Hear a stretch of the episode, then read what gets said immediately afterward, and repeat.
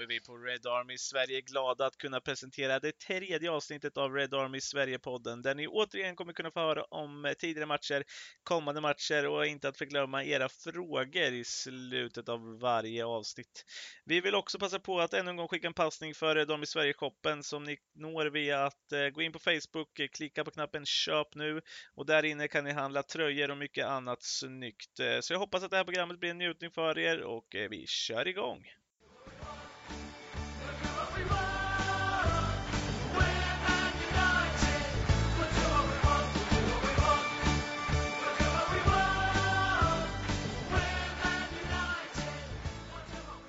Då kör vi igång eh, tredje avsnittet utav Red Army Sverige-podden.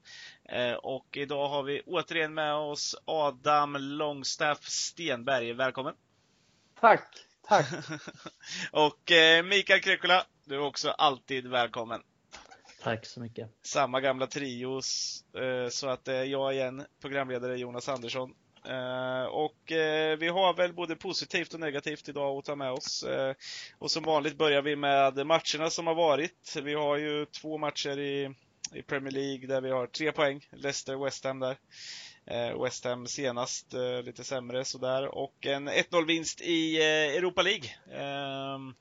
Efter att ha mött Kazakstanska Astana. och vi börjar Premier League-mässigt där, där vi Ja. För mig i alla fall, eh, West Ham-matchen här var ju en, ehm, en match som eh, egentligen eh, satte lite prägel på säsongen, vad som skulle komma, hur den skulle präglas. Gjorde vi en bra insats där så kunde jag tänka mig att ja, det skulle bli bra, men eller lite mer positiva känslor i alla fall. Och vi hade haft tre raka vinster och lite sådana där saker, men nu blev det ju inte riktigt så va? Eller vad säger du Adam? Vad, vad, vad tar vi med oss? Alltså, det är ju så. Det, är ju, det var ju lite ridå liksom. Vi har haft två segrar på raken och vi har hållit nollan. Men i den här matchen så kommer vi inte riktigt till skott. Vi har inte bra förutsättningar när vi kommer dit. Men det känns som att trots de dåliga förutsättningarna så gör vi det ännu sämre för oss genom laguttagningar till exempel. Jag känner ju ingen spänning i att se Mata eller Matic från start. Jag tänkte utveckla det lite senare, men det är den känslan man får när man in, intar matchen att fan, det här kommer inte gå bra. Och lite så var det i och för sig när vi tog emot Leicester också. Men eh, där så fick vi, ja, vi fick möjligheten att komma in i matchen. Det fick vi inte den här gången och då blev vi straffade. Mm. Alltså det blir väl lite, eh, visst vi är skadedrabbade. Eh, tycker viktiga offensiva pjäser är borta men eh, lite som du säger själv med laguttagningar där så tycker jag vi sätter oss i situationer som vi hade kunnat undkomma genom att våga istället. Och mycket kritik mot eh, Solskär och det som har kommit efter den här matchen så hade han ju kunnat slippa undan tror jag. Hade vi förlorat med 2-0 med Gomes och Chong och dem på plan så eh, tror jag inte alls det hade varit lika hårda ord faktiskt. Nej, jag köper att han inte liksom, att han startar Pereira kan jag köpa eftersom att vi, vi har eh, Greenwood borta. Mm. Han, är ju, han blev sjuk och han kunde inte vara med.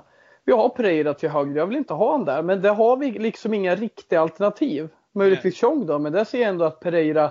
Jag förstår den. Men jag förstår inte varför vi sätter in Mata där när Gomes har gjort en bra match. Jag förstår inte liksom det långsiktiga med att sätta Matic på en sittande mittfältsposition bredvid McTominay. Alltså Matic ska vara ett ankare, ingenting annat. Och jag känner att eh, liksom, det funkar inte med taktiken heller att ha Matic där.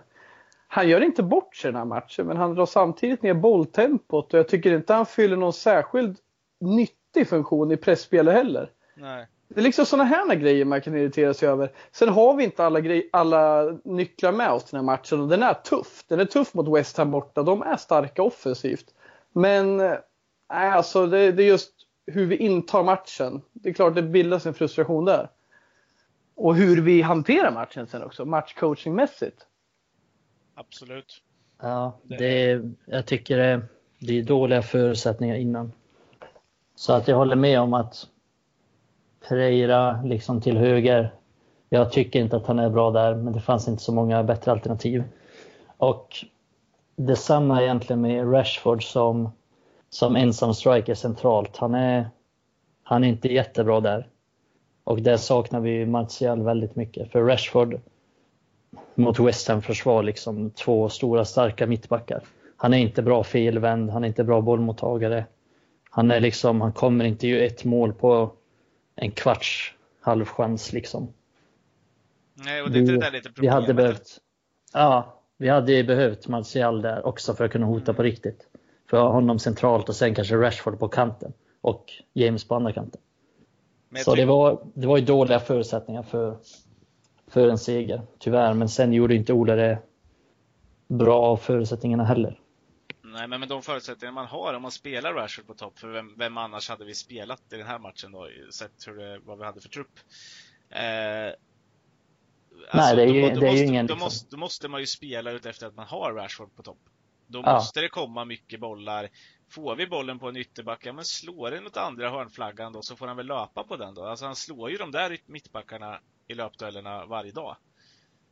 Men då ska han, då tycker jag också den här osmartheten hos Rashford slår igenom lite. Han ska springa ner och hämta bollar och, och vända upp och Ja, jag vet, jag skrev det i gruppen häromdagen, men att det liksom, då har vi alltså en walesisk okänd ytter som vårt bästa offensiva hot för att an, det andra offensiva hotet ja, helt enkelt springer bort sig och är helt ur form. Och sen har vi Andreas Pereira som inte har hotat offensivt på ganska länge.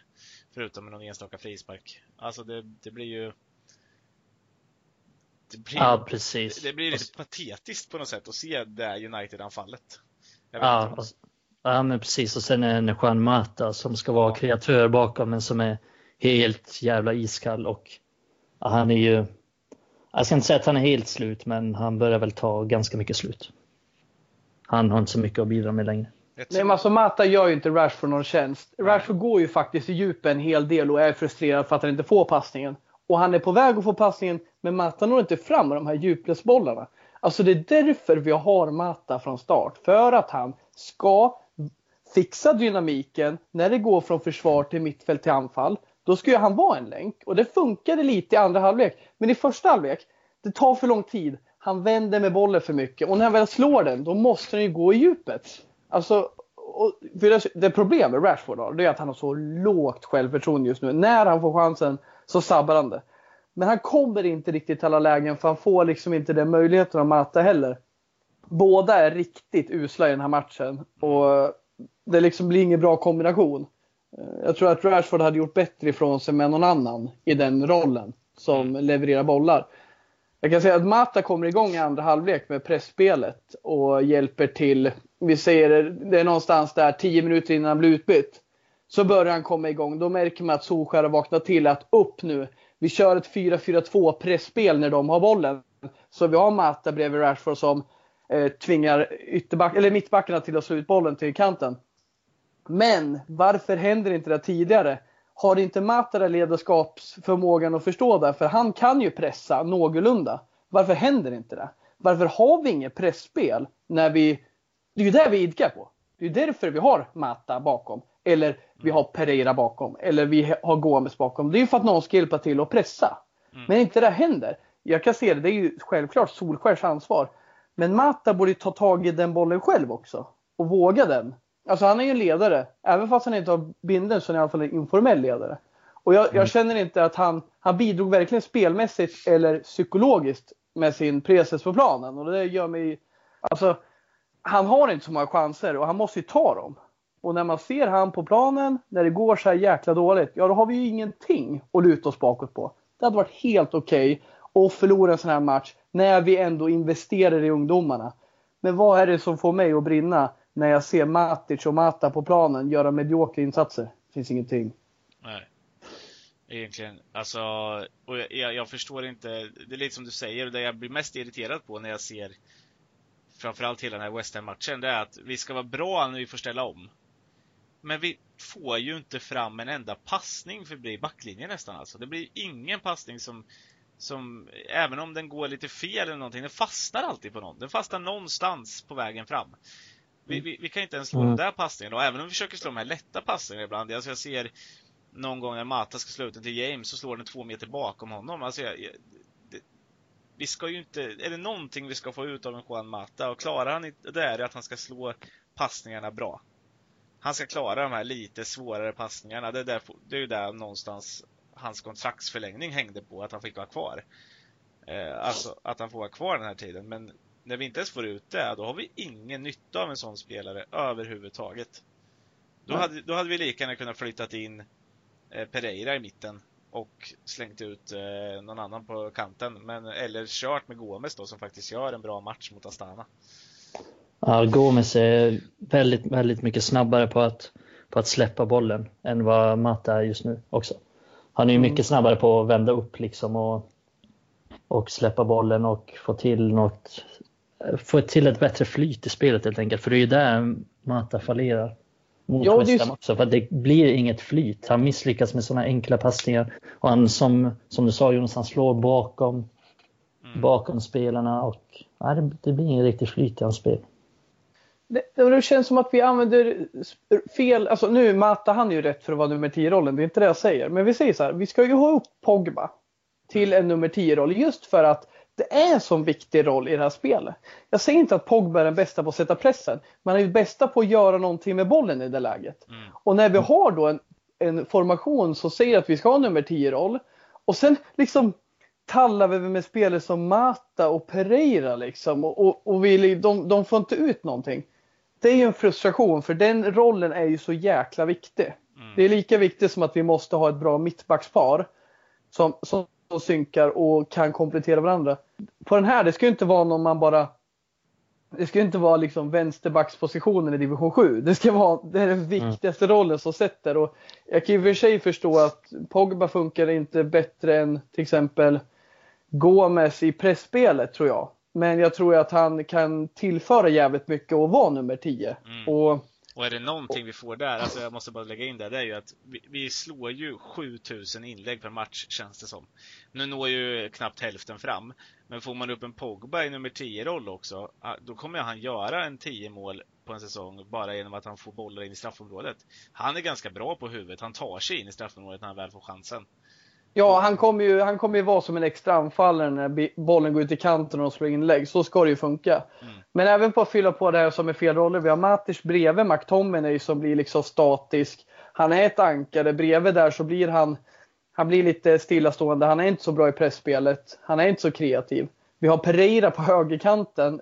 När vi liksom, vi spelar ett spel där det ska vara hög press och ska vi kontra med våra tre toppar det funkar ju bra med Rashford, Martial och James. Men Pereira, han går ju inte djup. Det är ingen som slår på honom och han slår sin ytterback. Jag tror inte han är snabbare än någon ytterback egentligen i den här ligan. Han är förmodligen lika snabb. Medan de tre jag nämnde innan, det är ju riktigt snabba lirare. Så det blir liksom så här, ska vi köra den här formationen när vi har dåligt med folk? Det är där man börjar fundera på i efterhand. Mm. Finns det något bättre? Jag säger ju liksom Rashford är den anfallare vi ska använda när de andra är borta, men, men Liksom, finns det någon nytta i att ha Pereira till högerkanten? Förutom att han sätter press på spelarna och gör det relativt bra så han är helt eh, uddlös framåt. Mm. Och det är samma som Matic är helt uddlös framåt i sin roll. Och ni märkte det mot Astana till exempel som vi ska prata om. Då var ju Matic, han tar ju för sig så mycket när vi möter sämre motstånd. Och vill vi att han tar för sig och blir kreatör? Nej, det är då vi sitter och klagar på honom. För han är satt i fel roll. Han ska vara städgumma på mitten, en trygghet för de som är offensiva. Han ska inte vara den som driver fram spelet. Det finns ju inget värre att se han kliva upp och sen göra någon slags kröjfint och passa hemåt igen. Nej, men, är, det han, är det någon det han ska ersätta? Han kan ju inte göra bättre. Är det någon han ska ersätta att... så är det McTominay liksom. Ja. Det måste ju vara det. Eller vad, alltså jag hoppas jag förstår det rätt, men alltså Fred där han, alltså Fred måste ju vara den som ska spela. Det visar han ju också. Om Pogba är borta från den positionen. Om vi inte ska spela någon där så måste det, vara... det, det finns ju ingen garanti att Fred gör ett superjobb heller. Men Nej. han passar ju mer i jobbeskrivningen som krävs. Ja. Vara en, en av två sittande mittfältare. Han är dynamisk. Han vågar spela. Han vågar ta för sig. Matic vågar ta för sig. Men det är inte det vi vill med honom. Nej. När jag har Matic på planen, det är för att säkra och göra typ Pogba tryggare. Vilket jag tyckte han gjorde bra förra året. Men jag vill inte ha han som en kreatör. Jag vill inte ha han som en som håller i taktpinnen på planen. Jag vill ha honom på rätt ställe, precis som jag vill ha Pogba längre upp i planen och jag vill, ja, Pereira, vad vill du ha honom? Nej, men jag vill ha någon som är snabb i djupet på högerkanten. Mm. Alltså förstå när Solskär går igenom taktiktavlan. Ja, här, vi har de här tre topparna som ska vinna löpdueller när vi vinner bollen och vi kör omställning. Och då har jag valt Pereira på kanten liksom. Mm. Det är så här, alltså, förstår ni vad folk tänker då? Så här, vad ska han tillföra så? Uh, och då hade det varit bättre ska... att spela Tjong då hade vi åtminstone haft någon som hade kunnat slagit sin ytterback. Förstår vad jag menar? Alltså han är ju inte långsam han heller. Ja men lite, lite sådär. Mm. Tjong är, är begränsad är... med, men han är ändå fan bättre i rollbeskrivningen. Mm. Eller hur Mikael? Han är ju bra pro... alltså han är ju uppväxt i den här spelidén som Solsjö vill köra med. Med högt ja. pressspel och... Ja men exakt, han är ju bra i pressspelet och han, han kommer jobba hårt defensivt också. Om, om han får den rollen då tror jag att han, han kommer inte göra bort sig i liksom den rollbeskrivningen. Sen kommer han ju vara en sån som slår bort lite passningar, gör lite misstag på offensiv plan eller vad så. Det, det kommer han ju göra, såklart. Och Solskjaer antar jag bedömer att, att Pereira är ett säkrare kort. Men det är också, det är väl kanske lite det som är problemet med, med Solsjö just nu också, att han kör lite i gamla hjulspår och vågar han tror lite halvhjärtat på, på det han gör. Han tror inte fullt ut på det och det är lite problemet. Mm. Ja, men eh, ja, i alla fall så, så känner jag väl att vi vi måste på något sätt eller han, Solskjaer nu, måste, nu, nu är det liksom eh, börjar han komma till den att han måste våga. Han kan inte bara snacka längre om de här, som du säger, gamla hjulspår. Eh, visst, vi vann med 1-0 mot Leicester och då kör vi samma igen. Ja, fast var det så bra mot Leicester då? Nej, det, det var det ju faktiskt inte rent krasst. Vi skapar inte speciellt mycket. Eh, och vi får en straff på grund av en klumpig mittback. Ja, mm. ja men ja. Det, det, är ju lite... Han bjöd oss på den straffen. Mm. Ja, men det gör han ju och då kan ju Leicester, Leicester klacken sitta och skrika att han är bättre än Maguire hur mycket han vill. Men alltså den, den, eh, den klumpigheten han visar i den matchen, för han är inte bra den matchen den turken. Alltså, jag heter han Soyuncu. Mm. Eh, han är jättedålig den matchen. Eh, överlag. Men ja, jag tänkte att vi skulle hinna med att prata lite om Astana också. Mm, mm. Innan vi går vidare. Och yep. det, det, som är kul där är väl ändå att vi får se just de här vi pratar om. Vi får se Sean, Gomez, Greenwood. Eh, märkligt val kan jag tycka ändå att vi ens spelar Rashford längst fram när Greenwood finns.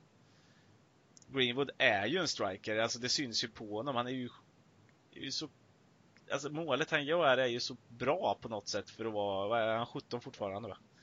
Ja, han fyller 18 i oktober tror jag. Ja. Men det... Ja, ja men jag håller med. Det, jag vet inte riktigt varför han envisas med att ha honom på kanten hela tiden. Han är ju...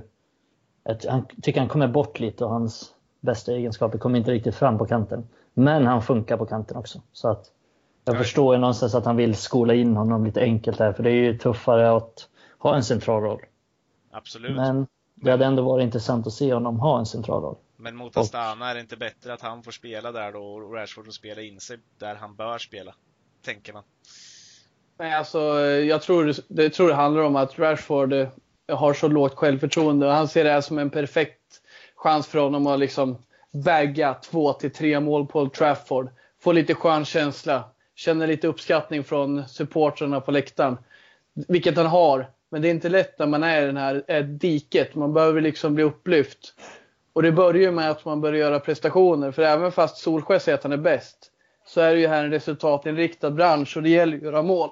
Och jag tror att han får starta som anfallare för att växa igen. Och tyvärr, i den här matchen blir det ju tvärtom. Han får ju säkert ännu sämre självförtroende.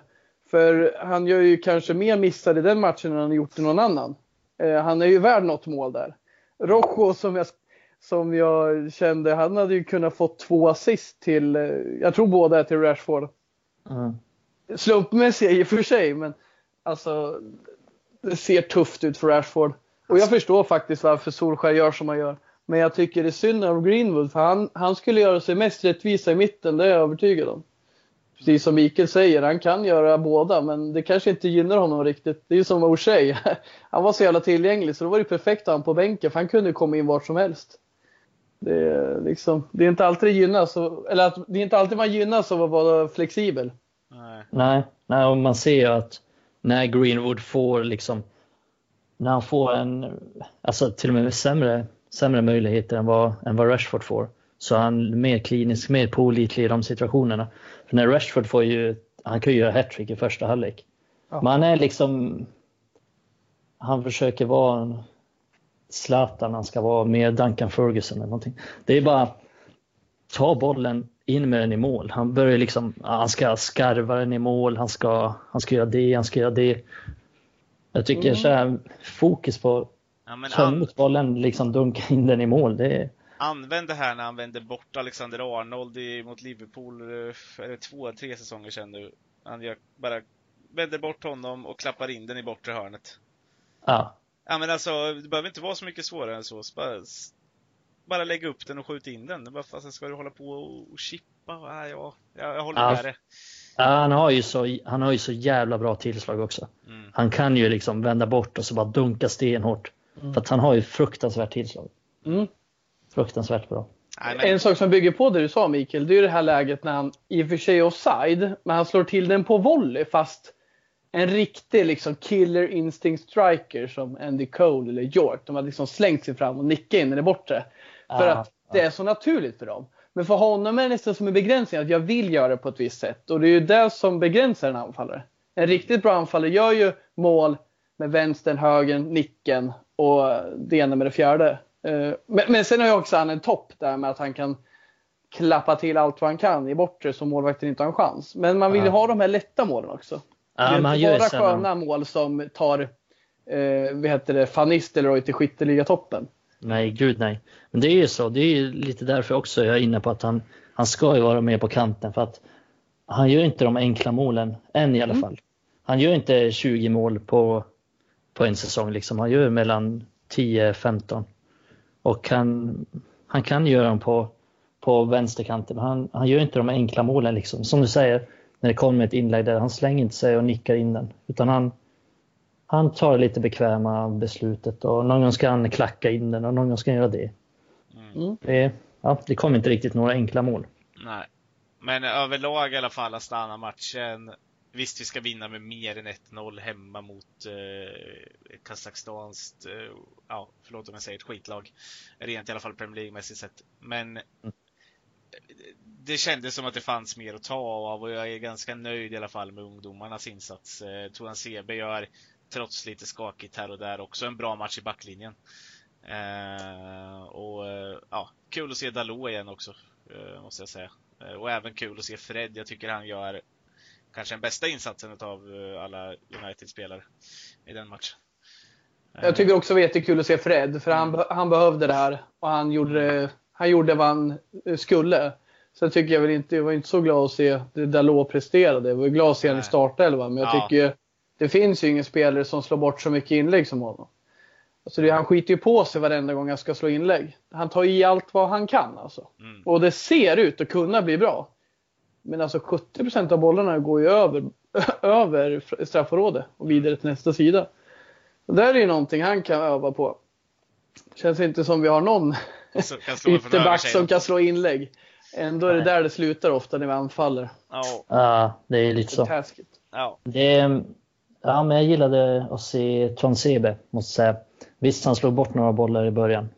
Några passningar där han var lite övermodig och så, men, men överlag så tycker jag han har, han, har en, han har ett lugn och en aura kring sig som gör att all, och allting ser enkelt ut för honom.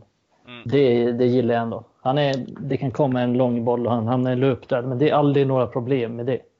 Han, är, han har ju fysiken på sin sida också. Och är alltid elegant i det han gör. Så att jag, jag är svag för honom.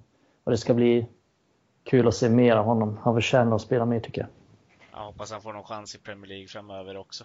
Ja, men där tänkte jag faktiskt att vi skulle gå över till eh, nästa del på programmet eh, och, och faktiskt prata om det som kommer framåt också. Då. Eh, vi har ju en vecka, nästa vecka som är ganska hård för truppen överhuvudtaget som också förhoppningsvis kanske blir lite starkare med att folk kommer tillbaka. Men vi möter Arsenal måndagen, vi har Alkmaar torsdagen och sen är det Newcastle söndag. Eh, så att det är tre matcher på en vecka och eh, vi börjar med Arsenal som jag tror borde vara den tuffaste uppgiften utav dem. Eh, men det är ett Arsenal som är väl ungefär lika skakigt som United just nu, även om de nu vände och vann med 3-2 eh, trots en man utvisad, vilket var lite sjukt där. Men en backlinje som framförallt är jättesvag som bör kunna utnyttjas utav Uniteds offensiv om bara får till det. Ja, och sen fick de en Maitland Niles blev avstängd också. Ja, just det. Två gula kort så att den kommer ju vara ännu, ännu lite skakigare och Arsenal har ju släppt till flest skott på mål av alla lag tror jag.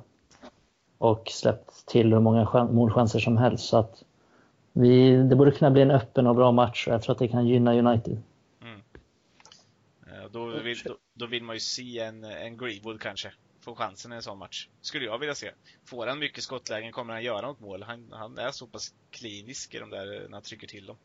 Ja, men vi måste framförallt ha, vi måste ha snabbheter fram tror jag. Likt mot Chelsea. Martial. Jag vill se Martial. Ja. Jag vill ha tillbaka Martial nu. Han får vara ja, alltså. mindre glasspelare. Alltså är Martial tillbaka, då tror jag ju att han och Greenwood och eh, James kommer starta på topp. Mm. Eh, Rashford tror jag inte kommer vara med. Det ser inte ut som att han är redo då. Han är ju med sin uh, ljumskada. Men uh, det är ju en förutsättning att vi ska lyckas mot dem. Det är ju att vi ska kunna kontra sönder dem.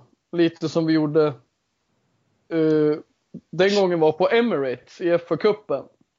Då hade ju Lingard och Lukaku en stor del i det kontrispelet. Men att vi ändå kan komma tillbaka lite till det. Mm. En, en, en, en omställningsfotboll som hotar, för alltså de här, deras försvar är ju för jävla ruttet. Alltså vårt försvar är jag inte rädd för, men att eh, vi, vi kommer kunna hålla tätt även fast de är hotfulla offensivt. Men det här försvaret måste vi kunna göra några mål på. Och mm. Sen är det ju tråkiga. Jag ser ju, de har ju jätteproblem med sina mittbackar såklart, David Luiz liksom. Men, men högerbacken där, det har ju gått så jävla dåligt för Maitland Niles. Och jag har ju hört ur Arsenal-led att de inte är så nöjda. Så frågan är om det inte till och med blir en förstärkning, att de kanske får in Chambers.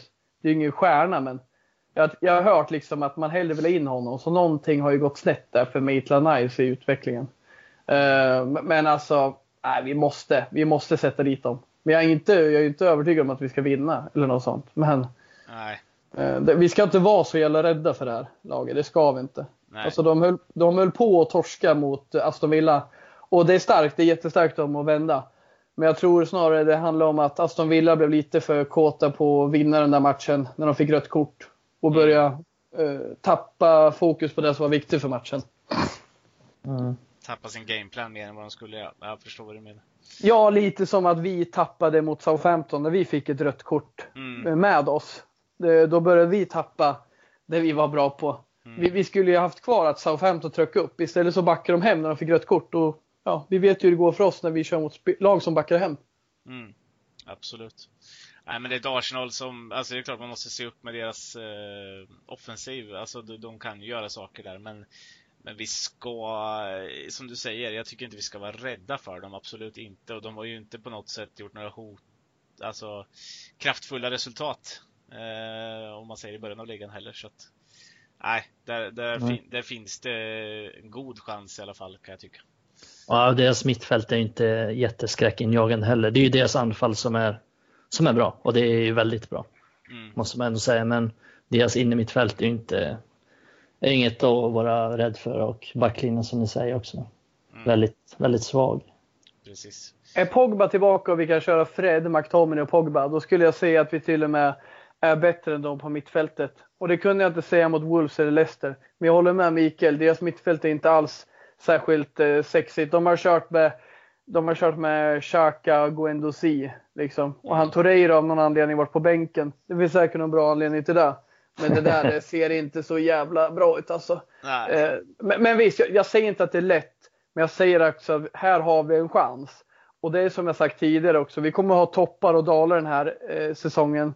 Och vi kommer faktiskt, konstigt eller vad ska man säga, ologiskt nog, eller om det är logiskt. Vi kommer göra kanske våra bästa insatser mot bättre lag. För de kommer inte vara lika eh, fega som bottenlagen. Vi kommer till exempel få, färre, eller få fler målchanser i denna match än vi kommer få Burnley, mot Burnley liksom, som backar hem. Mm. Ja men så är det. Och som jag sa så jag tror att det är som du säger också så passar, passar United bra sådana här matcher. Mm. Och när vi får ytor framåt, vilket vi kommer få, det är helt övertygad om. Då är Rashford bra, då är Martial bra. Nu kommer inte Rashford vara med mest troligt men Men då, är, då har vi liksom kvalitet och får James en boll i djupled då är det inte många som hänger med honom. Och Nej. det är ju sällan vi får de chanserna mot, mot ett West Ham till exempel. Vi fick inte ett enda sånt läge egentligen på hela matchen nästan. Och i slutet då. Så att, När, Ja. eh, när James rundar, när vi redan ligger under med 2-0. ja, precis, ja, precis. Bra passning av Jesse Lingard. Det måste Ja. man uppmärksamma.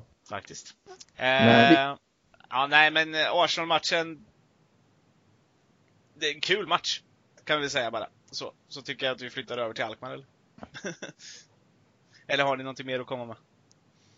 Jag känner väl bara precis som mot eh, vilket lag som helst. Är Pogba tillbaka och vi, vi liksom får till den här spelidén med att vi ska köra omställningsfotboll. Då kan det bli lite effekt av de här djupledslöpningarna vi gör.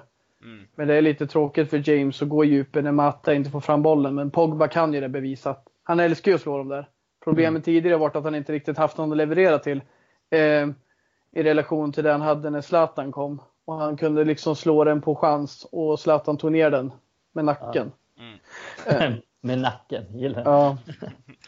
Det är bara Z som kan göra sånt. Nej men eh, absolut över till Alkmaar. Det blir ju en spännande utmaning som med Astana hur vi kan integrera våra ungdomar där. Mm. Då vill man ju se Toan Sebe igen i alla fall. Eh, Det, det ska väl vara hans turnering om inte annat, kan jag tycka. Vill alltid se Transebe. Ja. Alltid. ja. Nej men och Chong också, att han kanske får starta. Gomes vill jag se starta redan mot Arsenal, men eh, eh, Men eh, i alla fall att han, eller om inte han gör det så vill jag se honom mot Alkmaar igen också. Att de får chansen i de här matcherna att växa in i det. Ja, men ungefär samma start vad tänker jag, som Mm. mot Astana. Ungefär. Precis. Och att Romero får chansen att daska av sina gamla vantar också. ja men Släkt. exakt. Släkten är värst. Mm, Sina gamla, daska till sina gamla klubbfärger liksom. Ja. Slå dem lite i rumpan och se till att de inte...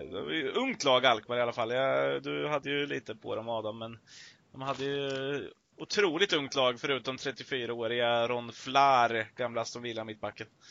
Adam Stenberg, Alkmaar-expert. Mm. Ja, men de har ju lite trygghet där med den gode Flarr på mittbacken och det behöver man ju ofta någon trygg, trygg arm att gömma sig hos när det blåser snålt när man är ung. Och då har vi den här unge 18-årige Myron Boadou på topp som är behållningen offensivt. Eh, en eh, anfallare som eh, Ja, likt eh, Rashford slår igenom i ung ålder och eh, är väldigt bidragande till sitt lags offensiv. Och det är intressant att se, precis som för många andra holländska lag, hur de eh, grundar sin eh, filosofi på ungdomlig, eh, vad ska man säga, fröjd. Eller frejdig ungdomlighet liksom. Det, det finns, det finns eh, ett mål och en filosofi här och det är ju att onekligen blandar de ju lite rutin med eh, ungdom då. Mm. Verkar köra Och- mycket rutin bakåt. eh, Två rätt gamla mittbackar och sen lite, ja, yngre på de resten av positionerna. Något lite mer rutinerat på mittfältet också. En gammal 26-årig norrman i Fredrik Mittsjö verkar ha spelat de flesta matcherna. För- Ja, det här är ju liksom ett lag som eh, har legat antingen i toppen eller utanför toppen strax utanför eh, i Holland. Och det är som vi snackade om sist, liksom, holländska ligan. Vi ska inte snacka upp det så mycket, men det känns ju som det tuffaste i den här gruppen. Och jag tror att eh, är vi inte på tårna så eh, då, då kan det bli tufft. Och jag, jag tror ju det här kommer bli en lika match när vi åker dit. Jag tror, jag tror vi kan vara rätt nöjda med det. Vi kommer säkert gå vidare ändå. Men eh, just den här Boadou, han ska vi ha koll på. Sen är ju Calvin Stengs också en holländsk produkt, talang.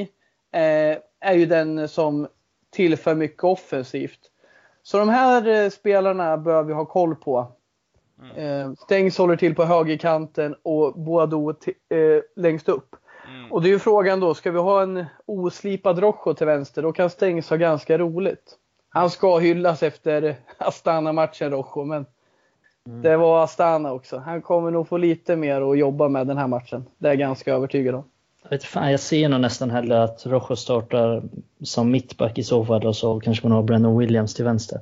Så kommer det väl säkert inte bli för att det, jag tyckte ändå Phil Jones var rätt så skakig mot, mot Astana. Men Då får du tänka dig en Phil Jones som knappt har varit med i en matchtrupp på under hela säsongen Ja, här. Så det, det, man får vara lite schysst mot honom också. Han, Ja, men såklart, så är det ju. Så är det ju. Men den är intressant. Brandon Williams säger det. var liksom, varför spelar vi inte honom? Mm. Med liksom eh, när vi får möjligheten mot Astana. Jag säger inte att han ska vara med på resan bort mot AZ, vilket jag tycker i och för sig. Men varför får inte han starta mot Astana?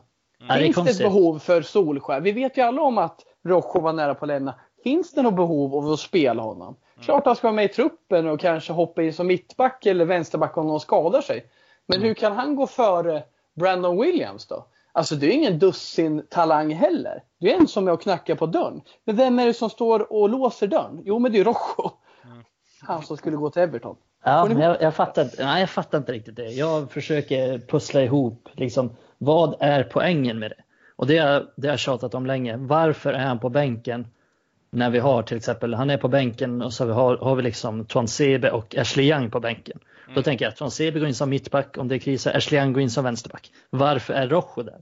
Mm. Det, är liksom, det, är, det är märkligt att, att han är med så mycket. Alltså inte för att han är, inte för att han är jättedålig, men utan för att han ingår ju uppenbarligen inte i planerna. Men det är liksom som att det är en social verksamhet. Bara, ja, men det är synd om Rojo om man inte får med. Det är fan inte synd om honom.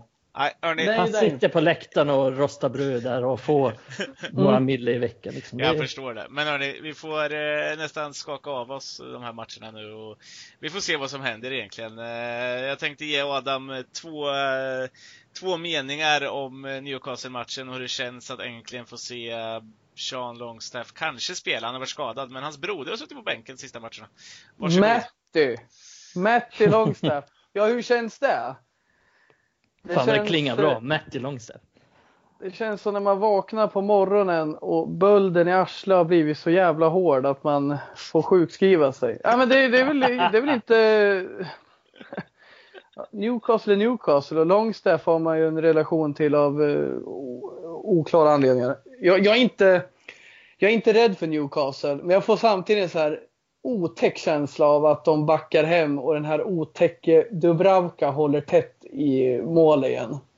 Det, det finns ju något där med Newcastle tror jag denna säsong. De kommer, de kommer bli eh, undermåliga mot Watford och Burnley, men de kommer ta några poäng av topplagen. Sen tror jag de åker ut. Men jag tror inte det gynnar oss, den här eh, taktiken de kör. Nej, och Emil Kraft tundar Lindelöf och gör 3-0 i bortre hörnet. Det blir perfekt. Nej, Ja. men vi tänker att vi flyttar vidare.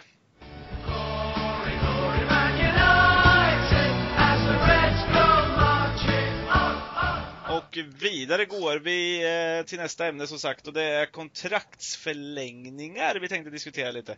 Vi har ju till exempel vår svenska Victor Lindelöf som eh, skrev på ett nytt kontrakt. Eh, även David de Gia är väl värd att nämna.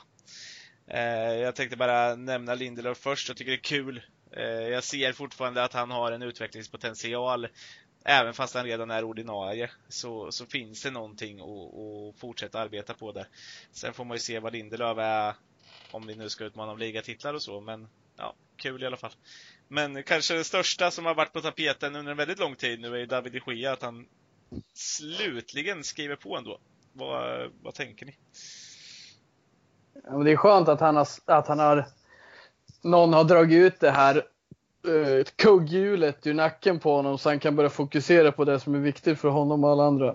Att han börjar göra bra insatser igen. Mm. Det går inte att blunda för att han har haft huvudet på fel ställe. Och det känns som inledningen på säsongen har han varit bra. Jag tycker det har varit, det, det känns bra. Men det har inte känts så bra i avslutningen av säsongen. Men nu kan vi se framåt med honom och jag ser det som en, en helt fantastisk möjlighet för oss nu. Jag hade varit helt tvärtom. Om han hade gått, då ser det som jag ser det som helt omöjligt att vi inom de tre närmsta åren ska kunna nå en slags topp igen och börja konkurrera på riktigt. Men nu ser jag en möjlighet med det. Just för att han är världsklass. Men eh, det viktigaste på kort sikt är väl liksom att han börjar ja, men fokusera på det som är rätt. Och eh, om inte alla detaljer stämmer i vardagen och så där, det är klart att man får fel fokus och lätt tappar tappar eh, det som är viktigt. Mm. Ja, men så är det ju. Det är ju han är ju, om, om vi snackar back femman, så är ju han den den som är mest etablerad dels, men också den som har hållit högst nivå helt enkelt. Han är den som är mest världsklass om man säger så. Så att det är klart det är viktigt att vi, att vi förlängde med honom. Det ser jag inte som något negativt överhuvudtaget. Men vad, vad, vad gör det för vår kära Dean Henderson då, som ändå har startat bra i Sheffield United i år? Ja, men det, det innebär väl med all sannolikhet att han kommer säljas. Förmodligen redan, redan efter den här säsongen. Mm. Eller ja, det är väl det jag ser och det, det är tråkigt på sitt sätt men så är det som målvakt. Det gäller att ha rätt timing och, och det, är, det är en svår position att slå sig in på i, i alla lag. Liksom. Är, man måste få chansen, man måste ha rätt timing och och för hans del så är det inte rätt timing för David de Gea är kanske vår bästa målvakt genom tiderna, om man ska vara helt ärlig. Mm. Och det, ja, det är klart, det, han kan ju, det ska ju till något extra om man ska peta honom. Liksom. Det, det ska ju vara att de Gea gör bort sig liksom, och att Dean Henderson är helt otroligt fantastisk i Sheffield United. Men jag kan inte se det hända. Det, vad han själv vill nog, även om han har höga ambitioner så så vill han ju själv liksom vara en stjärna. Så han kommer ju förmodligen också själv vilja lämna. Vilja lämna. Så att det, är, det är väl utgångstipset att han, han kommer tyvärr lämna. Men så är det. Det, det är inte så mycket att göra åt liksom. Så det får vara. Har vi något mer kontrakt här som vi... Ja, vi kan väl eh, harmonisera Lindelöf liksom. Att, mm. jag, känner väl på det jag tycker är helt fantastiskt för oss att han har skrivit på ett nytt kontrakt på kort sikt. Men jag ser ju som när hans kontrakt börjar löpa ut då, då ser jag om allting går som det ska, som vi vill. Där vi liksom befäster vår plats på toppen, vi börjar konkurrera, vi börjar liksom bli ett lag som lockar storstjärnor igen. Eller, eller som bygger lager runt karaktärer och sådär. Jag ser inte att han kommer vara en startspelare Nej. om tre, fyra år. Men på vägen dit så ser jag ju inte eh, något negativt med att han skriver på. Men eh, ja, Men när jag tittar på vår visualisering av alla försvarare och eller alla i backfemman, det sker med backar och jag ser långtidskontrakter så ser ju som det ser ut idag och det kan ju ändras till det både positiva och negativa. Men då ser jag liksom att AVB och Maguire ser ju såklart stor, eh, självklar framtid fram. Men, men Shaw och Lindelöf, de behöver steppa upp sig lite för att jag ska se att de ska, eller ganska mycket för att jag ska se att de är det laget som tar oss till Premier League-titeln i framtiden. Mm. Men det vi snackar om just nu, kontraktsförnyelse 2019, hösten, jättebra. Absolut. Mm. Ja, jag, är inte, jag, är inte, lika säker på det. Det är, han har, det är ju inte så att hans kontrakt var på väg att gå ut, men ja, jag kan se en viss poäng i det, men jag tycker ändå att det är alldeles för lätt att få ett nytt kontrakt i United. Mm. Och det tycker jag att han, han kanske inte har visat tillräckligt för att få ett nytt långt kontrakt och jättemycket högre lön. Men, ja. men som Adam säger, han, på kort sikt är det förmodligen bra. Men det är väl i framtiden bättre att ha Lindelöf som nummer fyra än Phil Jones just nu. Alltså jag ser det som det, jag ser det lite, ja, som, Adam, jag ser det lite som Adam där att på lång sikt kanske ingen startspelare, men just nu och med framtiden så som vi hoppas att det kommer gå så tror jag ändå att det kan vara en bra uppsäkring på något sätt. Men, Absolut, det kan eh, Men vi har väl lite ungdomar, i alla fall en ungdom som jag vet har fått ett proffskontrakt. Eh, unga mittbacken där, Mengi, fick ju sitt första proffskontrakt nu va? Stämmer väl? Ja, han skrev på i, för några dagar sedan tror jag. Mm. Och, ja, det är en bra förlängning. Han, han var ju lite si och så faktiskt om man ska vara ärlig förra säsongen. Mm. Men då var han, då var han ändå, ändå ung. Mm. Men den här säsongen har han överraskat stort och han, han är en av få faktiskt som är i, i hans årskull, liksom, som är med i engelska landslaget också, i hans årskull. Och han har börjat jättebra. Han spelar med U23 den säsongen trots att han är 17 år bara. Och nej, han har imponerat stort faktiskt i det laget så det ser väldigt intressant ut. Jag har inte varit superövertygad av honom innan. Det är inte så att jag räknat ut honom men han har verkligen överraskat mig den här säsongen och mm. det är kul, kul att se honom så det var väldigt välförtjänt och ja, ska bli spännande att se honom i framtiden. Han är, han är också atletisk, bra med bollen, Men har nu börjat ta för sig mer, bli lite tuffare. Vilket han haft svårt med tidigare. Så att det är ja, kul att se honom. Jag tänker väl att eh, det kan väl ta oss över egentligen på att prata lite om ungdomarna. Eh, känns väl lite helt fel. Utan eh, Mm. vi har ju U23 och U18 där U23 fortsätter att gå bra. Eh, presterar U18 svajare och framförallt den här Derby-matchen som jag eh, på något sätt tittade på och inte slutade. Ehm, eh, men eh, U23 om vi börjar där. Jag såg lite av Fulham-matchen, i alla fall andra halvlek där. Sen har vi spelat någon efter det också. va? Eh, Men jag är ju oerhört imponerad av Kovar i målet och Ramazani ute på kanten. Ja, Jag, det är dina favoriter där. jag gillar Ramazani alltså. Vad heter han? Han har ju skönt förnamn också, Largy. Lachi, ja. Ja. Larchy. ja, men de Ja. säger så, de uttalar det så på United TV när de säger Largy Ramazani och jag tycker det låter, låter klingar bra i munnen, ligger bra. Ja, men han är inte så stor men desto mer eh, teknisk och snabb är han. Det är han.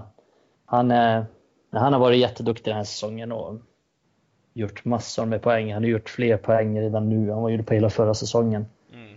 Så att ja, det, det får man ju säga att han verkligen har tagit det här steget upp i U23 på ett bra sätt. Och, Mm. nej, han ser ut att njuta sin fotboll. Men också när de mötte Rotherham i, i EFL Trophy Mm. så var han, så var han en av Uniteds mest framträdande spelare mot liksom A-lagsspelare, League One-spelare.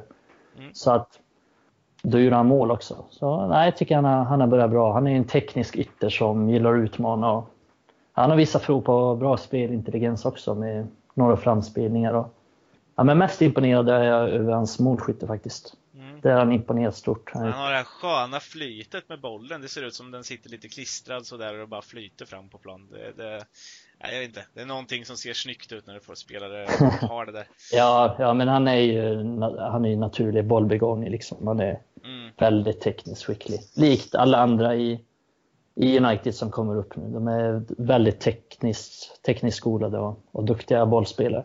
Mm. Men, Men även sån som jobbar hårt också. Så att, Om vi det- kommer tillbaka på banan tänker jag, hur, hur ser det, har det sett ut överlag? Ge oss en liten resumé på, på lagen, så att säga. Ja, men eh, U23 har ju gått jättebra. De, de vinner ju allt i princip. De har en oavgjord hittills den säsongen. Resten har de vunnit. Men de har inte släppt in Jo, de har släppt in två mål. Men, ehm, men um, Matte Kovar som du nämnde innan har inte släppt in ett enda mål. Han var sjuk den matchen så han slog inte. Mm. Så att de har ju, de har ju väl fem vinster i oavgjord eller vad det är. Och ja, de, har, de spelar bra fotboll och imponerar stort. Även fast motståndet alltid inte är det bästa. De spelar faktiskt i andra divisionen i U23. Så att Mm. Men mot Fulham fick Mm. de ändå tampas med Tammy Abrahams bror, Timmy Abraham. ja, Eh, Nej, men- Fick jag se. Ja, nej men de har börjat bra. Det finns ingenting att säga. Det, laget ser väldigt, väldigt bra ut måste jag säga. Och nästan alla har imponerat i det laget. Sen är ju U18 är ju lite sämre nu. Det är ju ganska det är stor spelaromsättning där. Vilket har gjort att det inte har sett jättebra ut. Men det är jättemånga nya spelare som kommer in nu. Mm. Och alla är inte riktigt spelklara än, men de flesta börjar komma igång lite nu. Ja, Och. Hannibal Mabry är ju rekordvärvning. Det är inte ofta man har en, en 16-årig kille som spelar U18 som kostar 9 miljoner pund. Men det får man ju se nu. Nej, han, var, han var svag i sin första match, men han var väldigt bra i sin andra match. En, en inne mittfältare med bra teknik, styr spelet, Mm. bra skott, liksom kan dribbla, går in i dueller, spelar tufft. Det, är en, det ska bli intressant att följa honom, men överlag så har det inte gått jättebra för U18. Dels för den stora spelaromsättningen, men också lite svårt att se tränaren Neil Ryans taktik här. Men ja, det, det har varit mycket insläppta mål på fasta situationer och så. Mm. Rätt skakigt bakåt. De spelar bra stundtals, är liksom det spelförande laget, men släpper till mycket. Måste- Direkt, liksom, an, direkt de liksom får anfall emot sig Mm. så, så ringer det i princip, vilket är frustrerande. Jag förstår. Men de har väl fått släppt upp lite spelare va? Jag tänkte, jag såg jag, nu, jag nämnde fulla matchen mycket men det var för att jag såg den. Men, men jag, jag blev jätteimponerad för det kom ju någon mittback därifrån då, Fish. Som till mm. exempel har försvunnit från U18 helt plötsligt och 16 år och spelar 2023. Ja, uh, det är lite så. Uh, och, det... och, han var ju jätteduktig den matchen. Jag tänker det måste ju på något sätt påverka för, även för Neil Ryan då att ja, men helt plötsligt försvinner en av mina stabila mittbackar. Och alltså lite åt det här hållet. Jag, jag kan ju förstå att det är lite skakigt ibland. Sen spelar de ja. mot Darby då, för spelar de väl med fyra mittbackar i backlinjen va? Ja precis. Så det är, det, som jag sa innan, det är stor spelomsättning och mm. helt plötsligt ska U23 ha fem stycken av deras spelare. Och, så det, är, ja, det går lite se så. Resultatmässigt är inte det, det viktiga. Det viktiga är liksom få utveckling på och spela bra fotboll och så vidare. Mm. Nej men ja, Will Fish, det är, ja, det är en ny spelare. Han har inte spelat jättemycket. Utan han gjorde väl någon match förra säsongen i U18. Men mm. Något kort inhopp och så. Men ja, det är, en, det är mittback det också. Tillsammans, han spelade ju tillsammans då med Tede Mengi. Så att i U23 hade man då en 16-åring och en 17-åring som mittbackar. Och United har ju haft lite svårt att få upp mittbackar på slutet. Så att det ser bra ut. Inte sen Transeba har man haft något riktigt, riktigt stort. Så att det börjar väl komma lite mer nu också. Där. Och sen får man inte glömma bort spelare som Cameron Borthwick Jackson och...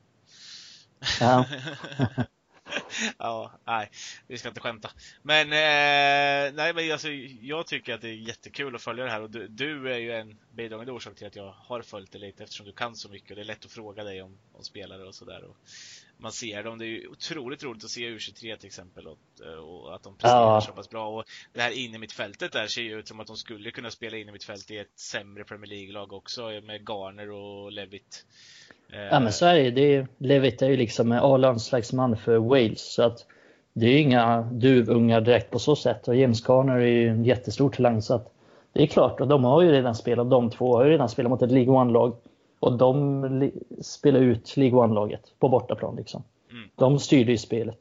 Så att det är ju är jättekul att se U23 och U18 och så. Det är, många gillar att säga att det är så tråkigt att se, men det är, det är väl deras förlust. Mm, precis. Antoni Langa är väl kul att se också att han får lite chanser även i U23 redan. Uh, så, så att, mm. Ja, han har börjat bra den här mm. säsongen. Att han är uppe där och det, det märks väl i U18 i och för sig när han är borta. Men, eh, ja, verkligen. Han är ju, han är ju varit U18s bästa spelare. Så mm. att... mm. Ja, ja. Det, men så är det. Har Adam något att tillägga eller något att... Det är att Levitt och Garner liksom styr matchen mot ett Rotherham som nyligen åkte ner från Championship och absolut har i alla fall 30% i sin startelva som är fullgoda Championship-spelare. Jag mm. tycker det är fantastiskt att höra. Alltså det, det, är en sak League One, det kan vara topp eller botten. Men det här är ett lag som kommer to- eh, äh, kämpa om att kliva upp nu. Och de har en del sköna lirare där. Eller sköna lirare, är väl att ta i. Men de har en del lirare som klarar Championship-fotbollen. Så det här, är, det här är riktigt, är riktigt fint att höra. Och jag ser framför mig en eh, hästkapplöpning mellan de här två goda mittfältarna. Om vem som ska kunna ta en plats i United. För det är inte så att det finns 300 platser att ta. Det gäller att ta sin ja. plats nu och de här, det kommer nog det kommer bli en morot för dem att kämpa sig upp.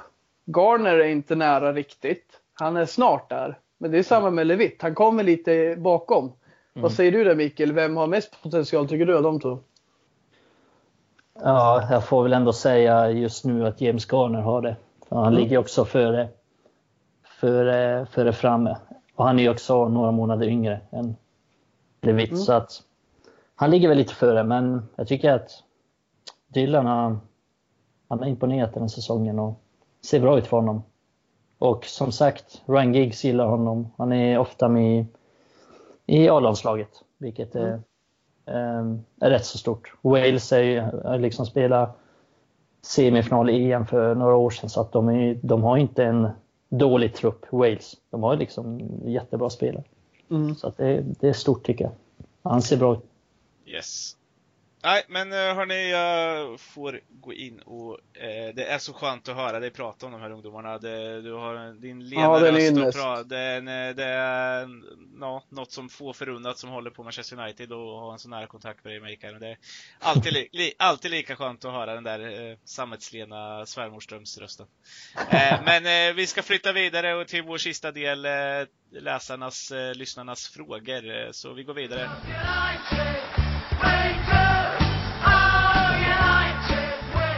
Så som sagt så var det dags för eh, tittarnas, tänkte jag säga, det är fel. Eh, följarna och eh, våra läsare och eh, lyssnares eh, frågor. Vi har ju fått emot lite både på Twitter och eh, Facebook där vi skickar ut.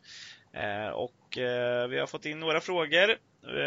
Till exempel här har vi Eh, uh, Arash Emami som skriver på Twitter att eh, truppen och Glazer slash Woodward är vad, eh, är vad de är helt enkelt. Under dessa förutsättningar är OGS rätt man för att leda ombygget som lär ta flera år, frågar han. Så att om, om uh, Ole Gunnar Solskjaer är det rätt man. Vad tror ni?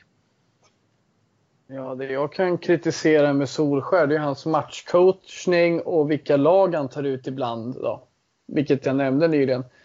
Men att vara rätt man för att driva det här framåt, ja, alltså jag tycker han har rätt filosofi och det värderar jag väldigt högt.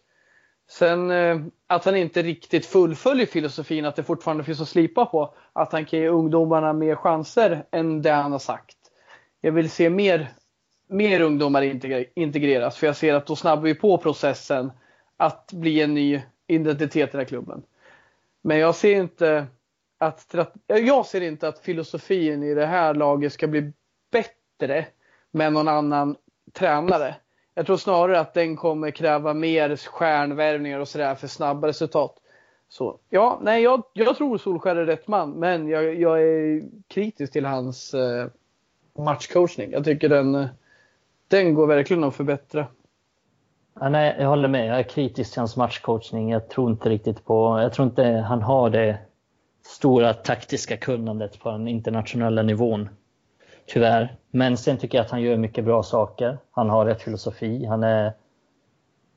Ja, på så sätt. Han har rätt filosofi. Han, han vågar tro på, tro på en sund, liksom, sund väg framåt. Och det respekterar med honom. Så att på så sätt så visste han rätt. Men sen tror jag inte att han har liksom det matchcoachningen och sånt. Tyvärr. Mm. Är... Nej, och man kan säga, jag vill bara in, man kan ju säga så här att Mourinho är en bättre tränare. Absolut, han är en mycket bättre matchcoach. Men var han ens nära på att uppfylla våra krav på vår långsiktiga filosofi? Nej. Nej. Att han valde att spela Rashford, ja, men det var ju för att van Gaal redan har gett honom chansen. För att han redan var jävligt sexig att ta ut. Ja. Att Lingard, ja, men han hade också fått spela under van Gaal. Men det är ju klart, det är bra att han spelar dem. Men Solskjaer har ändå gjort någonting nu som fan ingen har gjort innan och det får vi inte glömma. Ja, han har rensat truppen och det har han gjort jävligt bra. Mm. Ja, jag är bara beredd att hålla med er egentligen. Jag tror att eh, för mig eh, är det någonstans in Ole vi trust, eh, bara han börjar uppfylla det han faktiskt säger också. Eh, men vi hoppar vidare. Nästa fråga. Erik Gran på Facebook säger, eh, eller skriver. Det pratas mycket om ombyggnation och tålamod i klubben. Tror ni att Solskjaer sitter säkert och har ledningen det tålamodet som finns? Eh, själv tycker han att vi ska ge Ole tid och att just tålamod för att bygga en stabil klubb med en tydlig struktur. Det är lite det vi pratade om, men, men tror vi att ledningen har tålamodet med honom som behövs? Ja, det beror ju det beror ju lite på. Just nu så sitter han ju säkert, men förlorar United tio raka matcher nu, då är det klart. Då, då får han förmodligen lämna. Så att det beror lite på hur det går, men jag tror att han sitter hyfsat säkert nu. Så länge det inte går rent åt helvete så tror jag inte han får sparken. Så jag tror han sitter ganska säkert. Det är svårt att säga om logiken stämmer för de här lirarna uppe i vår ledning. Men om man anställer en kille som får som arbetsbeskrivning att eh, påbörja the United way, slänga ut de spelarna som inte passar och sen menar på att resultatet ska komma direkt. Det är ju befängt. Men om man får i sin arbetsbeskrivning gå till Champions League, eh, ja men då tror jag att han inte sitter säkert den här tiden. Mm. Men är de nöjda med att han eh, i, på kort sikt missar Champions League men på lång sikt har börjat skola in unga egna spelare och fått effekt på värvningar James, AVB och Maguire. ja men om de tänker sunt där, ja men då är det ju OK att sluta sexa. Mm. Jag tror det är där många är, nöjda med. Jag tror många är besvikna på att vi gör så dåliga eh, matcher eh, trots att förutsättningarna är bra. Mm. Yes. Ja, ja, alltså, ja, absolut. Jag är på vad ni säger och jag tänker att nästa fråga passar in ifall han skulle få sparken. Eh, Filip Sjöberg eh, skriver, det ryktas om att Tyschel, eh, PSGs tränare, är en kandidat att ta över United ifall eh, eh, Solskjaer skulle misslyckas. Vad tror ni om dessa rykten? Skulle han vara rätt man för det jobbet då?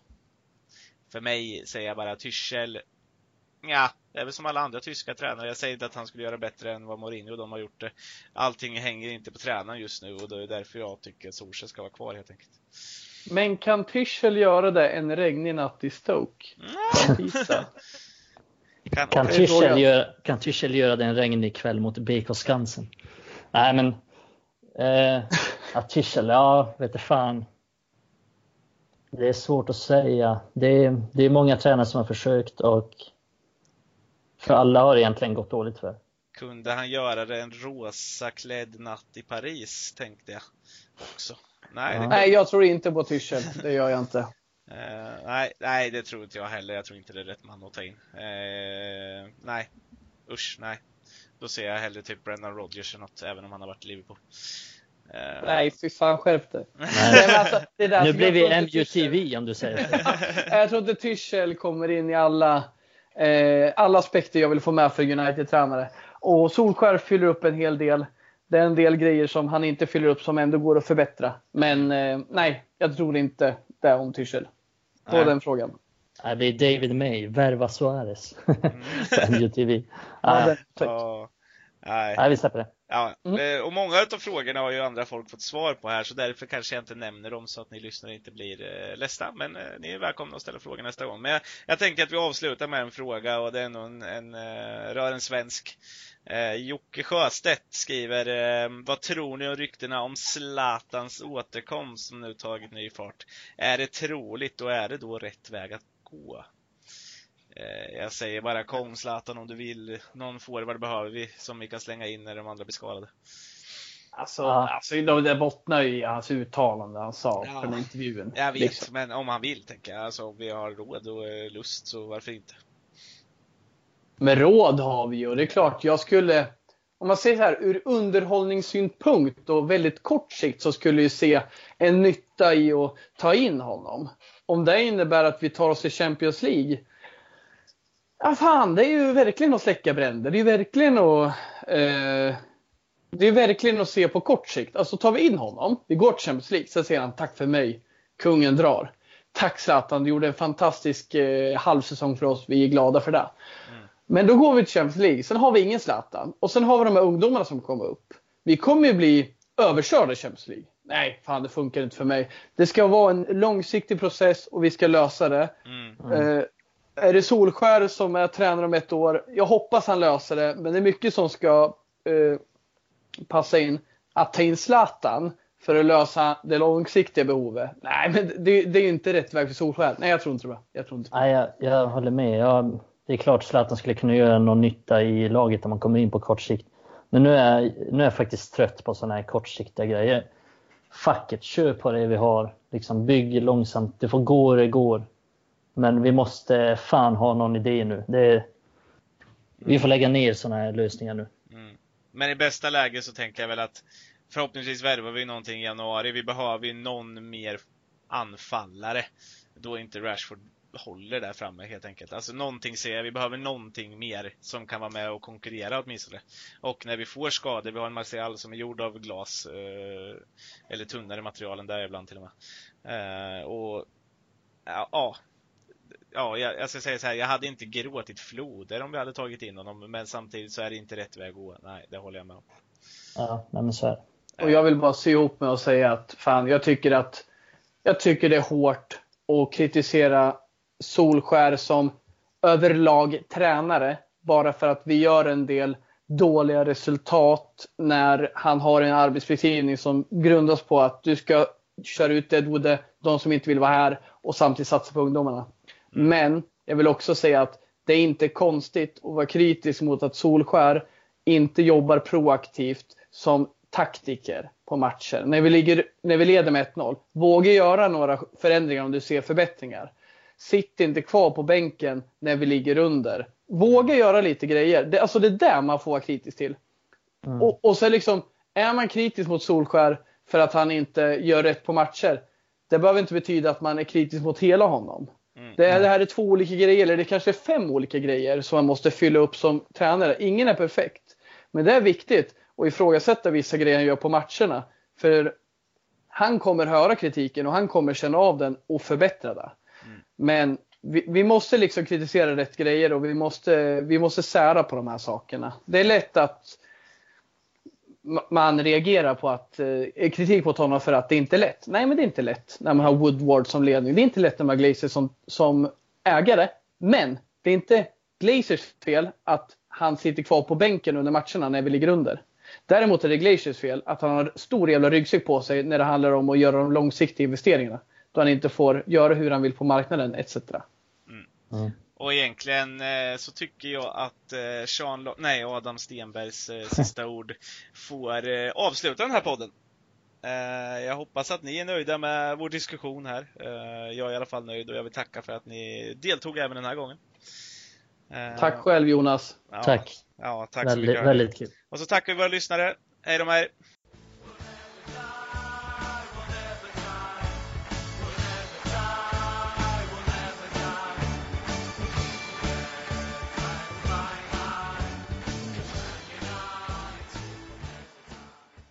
Då vill vi bara tacka för den här gången och påminner om att eh, avsnitten nu för tiden finns både på eh, iTunes eh, podcaster och Acast samt Soundcloud. Vi jobbar på fler olika streaming-sajter men har inte lyckats ännu.